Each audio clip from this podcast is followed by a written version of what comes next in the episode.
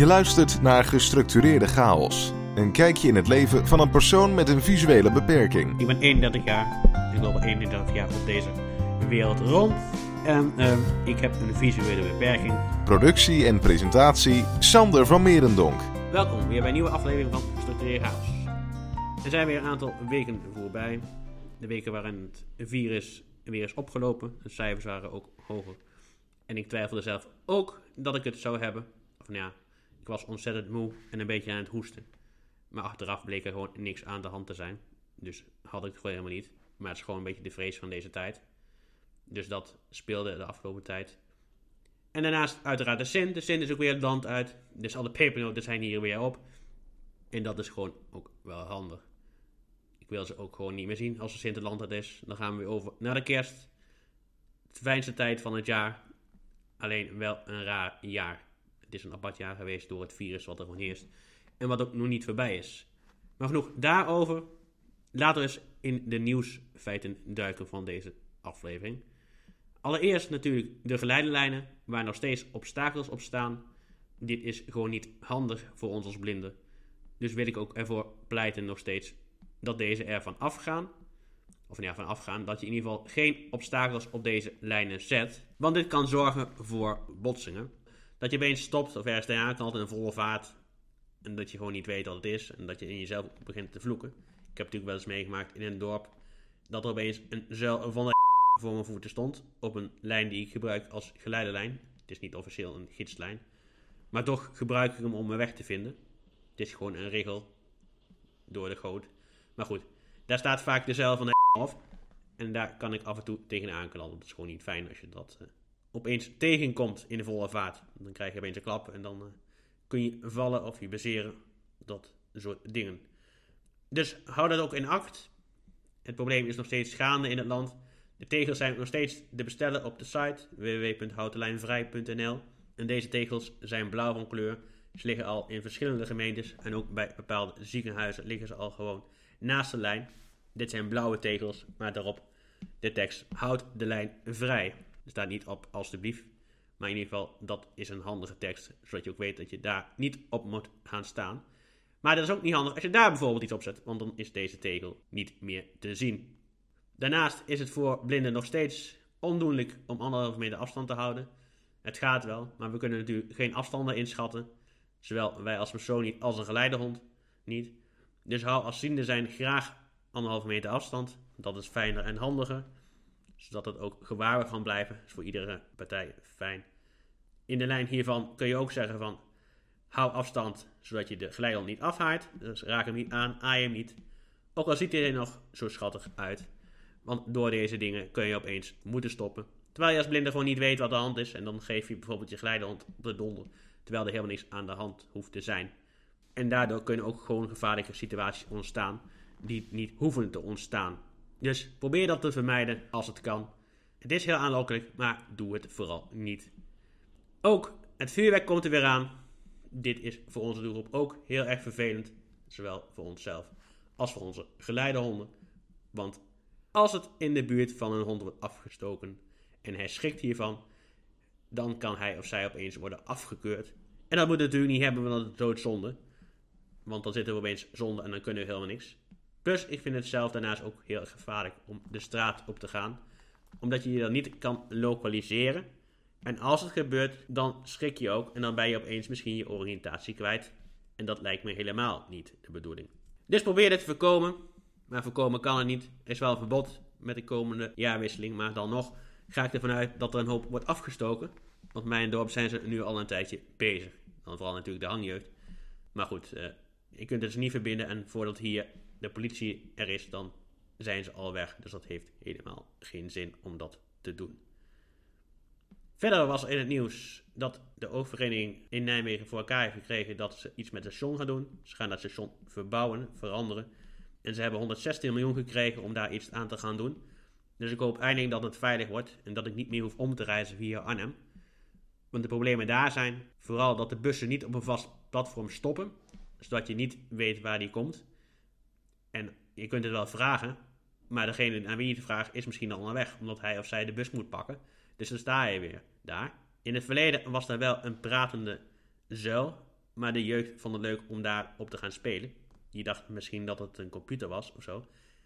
Maar daardoor raakte hij wel iedere keer buiten gebruik. Wat voor onze doelgroep natuurlijk helemaal niet handig is als die buiten gebruik is. Dus dat is een punt wat ik hopelijk veranderd zie worden in deze omgeving. En daarnaast het oversteken over de busbaan heen, wat echt levensgevaarlijk is. Ook trouwens van het platform naar het platform wat je naar het station brengt. Want ik noem het altijd een snelweg voor bussen. Ze rijden echt zo hard. Zeker op het punt waar je van het station oversteekt richting de stad, waar je naar de stad loopt. Want daar komen ze ook omhoog, dus dan maken ze ook snelheid. Dus dan moet je echt heel goed uitkijken. En ik gok dat de bussen denken dat het voorrangsweg is voor hun. Dat ze daar gewoon voorrang hebben. Maar goed, dat lijkt me gewoon niet de bedoeling dat ze daar echt gewoon super snel rijden en dat je gewoon moet rennen voor je leven eigenlijk. Daar komt het eigenlijk wel een beetje op neer. Plus als je daar overheen bent, kom je ook nog in een shared zone terecht. Wat voor onze doelgroep ook niet echt handig is. Want daar rijden fietsen, daar loop je. En er rijden af en toe ook auto's nog langs. Dus echt gewoon niet te doen. Dus het zou handiger zijn als daar een zebra zou komen. Zodat je daar in ieder geval een beetje veilig over kan steken voor jezelf. Dan heb je in ieder geval een beetje een veilig gevoel. En denk je daarna niet, als je in je ooghoek toevallig een auto ziet langs fietsen van... Oh shit, ik heb net het geluk gehad. Of ik had net een engel over mijn schouder of zoiets in die rand. Een andere iets wat in het nieuws was. Een ontdekking op het gebied van oogontdekkingen waar ik waarschijnlijk iets aan zou kunnen hebben op termijn. Alleen is altijd de vraag of je dat op dat moment ook wil qua zicht. Maar het is in ieder geval een ontdekking die het Ooginstituut heeft gedaan. En het gaat erover dat ze in de hersenschors een aantal elektronen kunnen praten zodat je weer vormen zou kunnen zien. Een normaal mens heeft een miljoen pixels en dan zouden ze 10.000 tot 10.000 pixels erin kunnen plaatsen.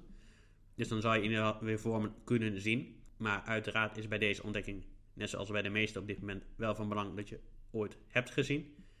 Zodat je hersenschors nog wel die pixels kan oppakken. Want anders gebeurt er helemaal niks. Of dan heb je er waarschijnlijk minder aan. Maar dit gaat nog wel even duren. Dus de vraag is van hoe snel gaat dit proces? Maar ook heb je er op termijn gewoon iets aan? Dat is altijd de vraag. Plus wordt dit ook vergoed natuurlijk door je zorgverzekeraar. Anders vaak zo'n dure aanpassing. Dus dat uh, gaan we ook blijven volgen. Maar ik wou het in ieder geval gemeld hebben. Mocht je er meer van willen weten, kijk op de site van de vereniging. Duiken we nu in het hoofdonderwerp van vandaag, van deze keer. En dan gaan we in op de vraag: kan je als blinde slechtziende aan sport doen, beweging? En wat zijn dan ook de mogelijkheden? Nou, even korte historie. Een persoonlijk verhaal wat ik in het verleden heb gedaan. Als kind zijnde hield ik niet echt van sport, denk ik. Ik vond het een beetje bijzaak. En ik kon ooit nooit echt meedoen op de basisschool. Ik stond altijd een beetje bij en ik werd vaak ook als laatste gekozen. Ook omdat ze het waarschijnlijk toch een beetje zielig vonden dat ik niet mee kon doen op een of andere manier. Dus daarna, en de meeste dingen waren ook wel lastiger. Met name door mijn minder goede motoriek, maar ook door mijn zwaarlijvigheid op dat moment. Dus dat was allemaal een beetje lastig. En natuurlijk uiteraard door mijn visiesbeperking. Dus dat uh, ging altijd wat moeizaam. Ik heb wel een hoop dingen kunnen doen. Deed ik altijd gewoon mee aan de sportdag. En dat vond iedereen heel bijzonder. Maar ja, was dat bijzonder? Want ik probeerde op dat moment gewoon zo normaal mogelijk te functioneren. Dus de vraag is van, is dat zo bijzonder op dat moment? Maar ik vond sport toen niet echt leuk. En dat is ook zo gebleven een tijdje. Maar het is natuurlijk wel goed om iets aan beweging te doen überhaupt. Dus toen ben ik op een gegeven moment naar een fitnessschool gegaan hier in het dorp. Toen woonde ik hier nog niet in Bemmel.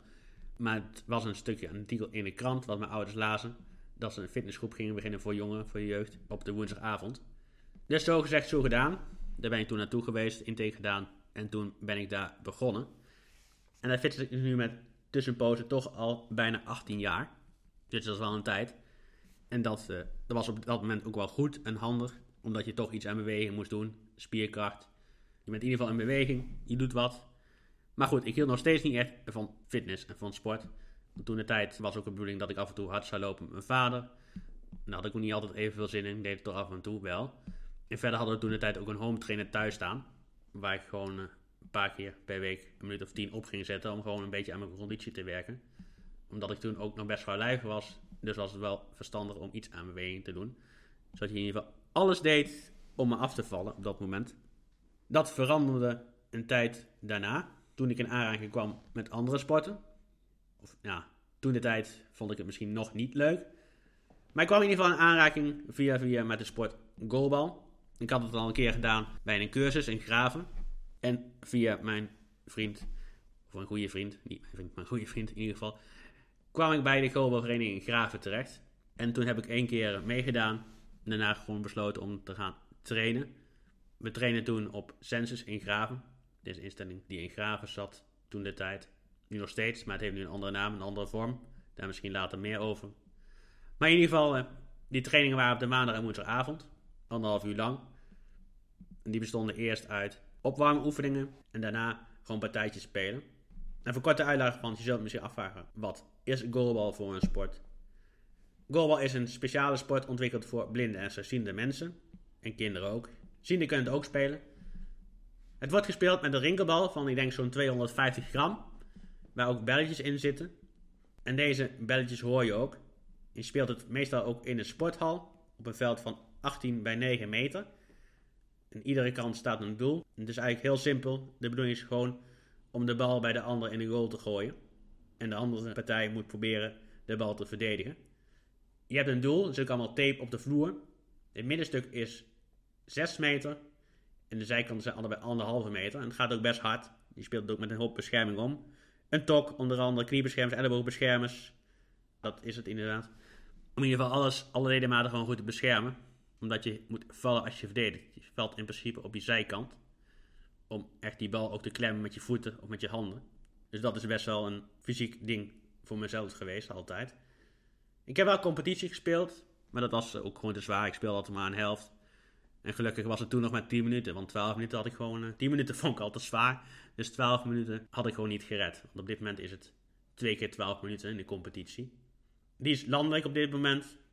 En er zijn nu op dit moment 7 verenigingen in Nederland die mobile spelen. En iedere vereniging heeft vaak ook nog meerdere teams die spelen. Dus dat is het, uh, het spel een beetje. Het is ook een Paralympische sport. Maar ik durf u niet te zeggen wat het niveau van de selecties op dit moment is. In het verleden was het niet, niet top. Zaten ze in de B-league uit mijn hoofd. Dus de vraag is of dat echt top is. Maar goed. Ik heb dit een jaar of drie gedaan. Ik heb drie jaar gegoalbald. En toen ging ik ook eens kijken van, wat wil ik nou eigenlijk met sport? En ook begon ik me te irriteren aan bepaalde teamleden die iedere keer fouten maken. Plus dat fysieke verhaal waar ik het net over had, het was gewoon te zwaar voor de beperkingen die ik allemaal heb en mankeer. Dus vandaar ging ik eens kijken naar Showdown. Dit is een individuele sport. En dit wordt in principe gespeeld op een tafel. Het is een beetje een combinatie tussen airhockey en tafeltennis. Maar het maakt ontzettend veel lawaai. En je speelt het met een bal met kogeltjes erin, ijzeren kogeltjes. In principe speel je het op gehoor. En het is ook de bedoeling dat je de bal bij de ander in de goal slaat. Met je bedje.